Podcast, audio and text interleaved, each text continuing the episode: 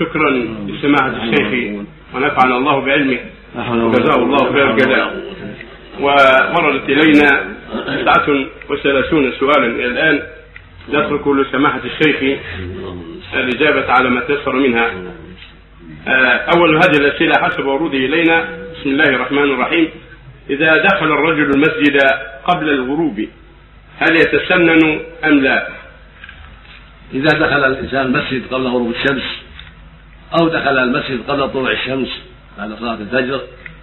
هذه الأوقات يقال لها أوقات نهي عن الصلاة. الرسول صلى الله عليه وسلم نهى عن الصلاة بعد الصبح حتى تطلع الشمس ونهى عن الصلاة بعد العصر حتى تغيب الشمس. تواترت في هذا الأحاديث عن رسول الله عليه الصلاة والسلام. ووجب على المسلمين الأخذ بها وأن يقفوا عن الصلاة بعد الصبح إلى ارتفاع الشمس. وبعد العصر إلى مغيب الشمس. لكن هناك صلوات لها أسباب. ليست صلاة عادية بل لها أسباب. أما الصلوات التي ليس لها أسباب هذا محرم فعلها في أوقات النهي. كون يقول يصلي بدون سبب بعد العصر أو بعد الصبح قبل ارتفاع الشمس هذا ممنوع. أو عند قيام الشمس عند وقوفها قبيل الزوال هذا ممنوع. لكن هناك أسباب لها, لها هناك صلوات لها أسباب مثل الطواف صلاة الطواف اللي طاف الكعبة بعد العصر وبعد الصبح. ومثل صلاة الكسوف لو كسفت الشمس بعد العصر. مثل صلاة الجنازة بعد العصر وبعد الصبح. مثل تحية المسجد إذا دخل المسجد بعد الصبح وبعد العصر. ذهب بعض أهل العلم إلى أن هذه الصلاة مثل غيرها تمنع. قال لا تفعل ولو, ولو أنها ذوات أسباب لا تفعل في أوقات النهي أخذا بالعموم. التي الذي سمعته. وقال آخر من العلم لا حرج في الصلاة ذات الأسباب. لا حرج فيها أن تؤدى في أوقات النهي إذا كان لها سبب. كالصلوات التي سمعتم في صلاة الطواف. طاف إنسان في الكعبة في مكة طاف بعد العصر. هل يصلي؟ نعم الصواب يصلي. لأنها ذات أسباب. ما صلى هكذا من دون سبب. الطواف والطواف سبب. فيصلي ركعتين. كذلك صلاة الكسوف كذلك تحية المسجد إذا دخل المسجد قبل غروب الشمس يصلي ركعتين ثم يجلس. هذا هو الأفضل والأقوى والأصح. لأن الرسول صلى الله عليه وسلم أمر بهذه الصلوات. قال عليه الصلاة والسلام لا تمنعوا أحدا يا معشر يا عبد بني عبد الله لا تمنعوا أحدا طاف بهذا البيت وصلى أية ساعة شاء من الليل أو النهار خرجه الإمام أحمد وأهل السنة بإسناد صحيح. وقال في الكسوف فإذا رأيتم ذلك فصلوا وادعوا وادعوا. كسوف الشمس والقمر ولم يقل إلا وقت النهي وكذلك إذا دخل المسجد قال إذا دخل أحد المسجد فلا يجلس حتى يصلي ركعتين. وهو جاء يصلي المغرب أو جاء يجلس في المسجد قبل طلوع الشمس ليقرأ أو ليستريح وعلى وضوء صلى ركعة لأنها ذات أسباب. أو قدمت الجنازة بعد العصر أو بعد الصبح يصلي عليها كما هو العمل. يصلي على الجنازة لأن تأخيرها غير مشروع. تعجيلها مشروع.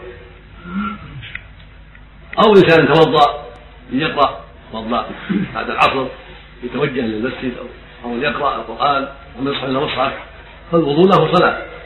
صلاته من ذوات الأسباب. هذه الصلوات التي ذكرنا يقال لها ذوات الأسباب.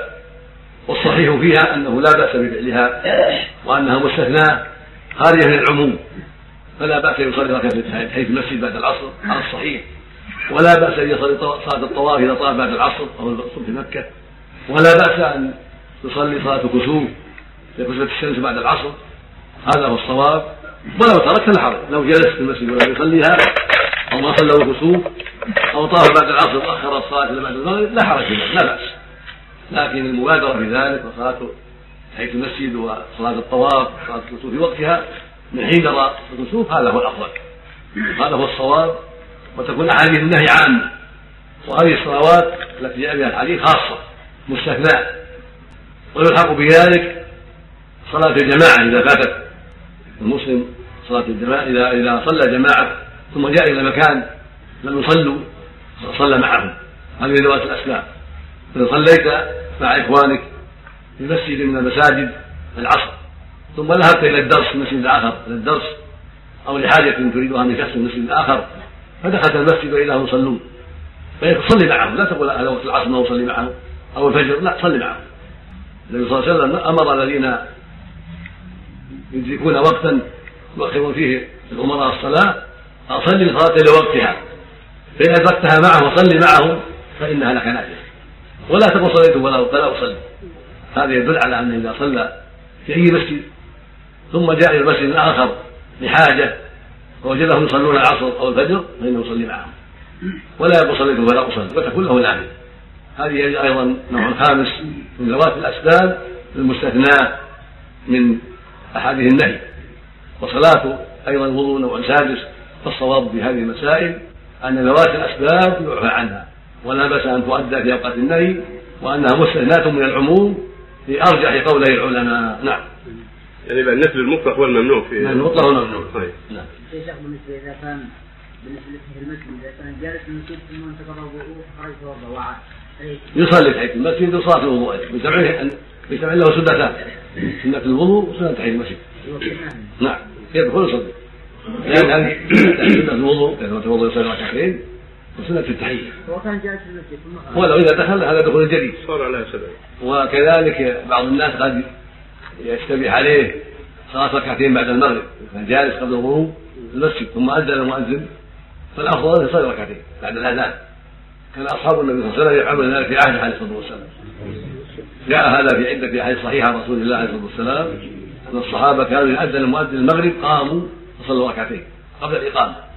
إذا كانوا جالسين في المسجد ينتظرون ثم أذن المؤذن فالأفضل والسنة أن الجالسين يقومون بعد الأذان فيصلوا ركعتين. هذه تخفى على كثير من الناس ويظن أنها غير مشروعة.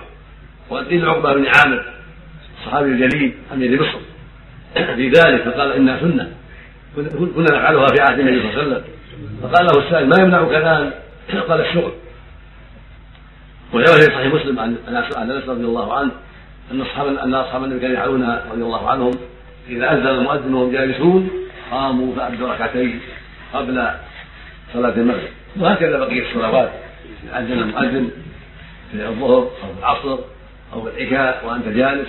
أو في الفجر وأنت جالس تقوم تصلي ركعتين في الفجر سنه الفجر. في الظهر سنة راتبة كنت ما أديتها وإن كنت أديت الراتبة صليت ركعتين.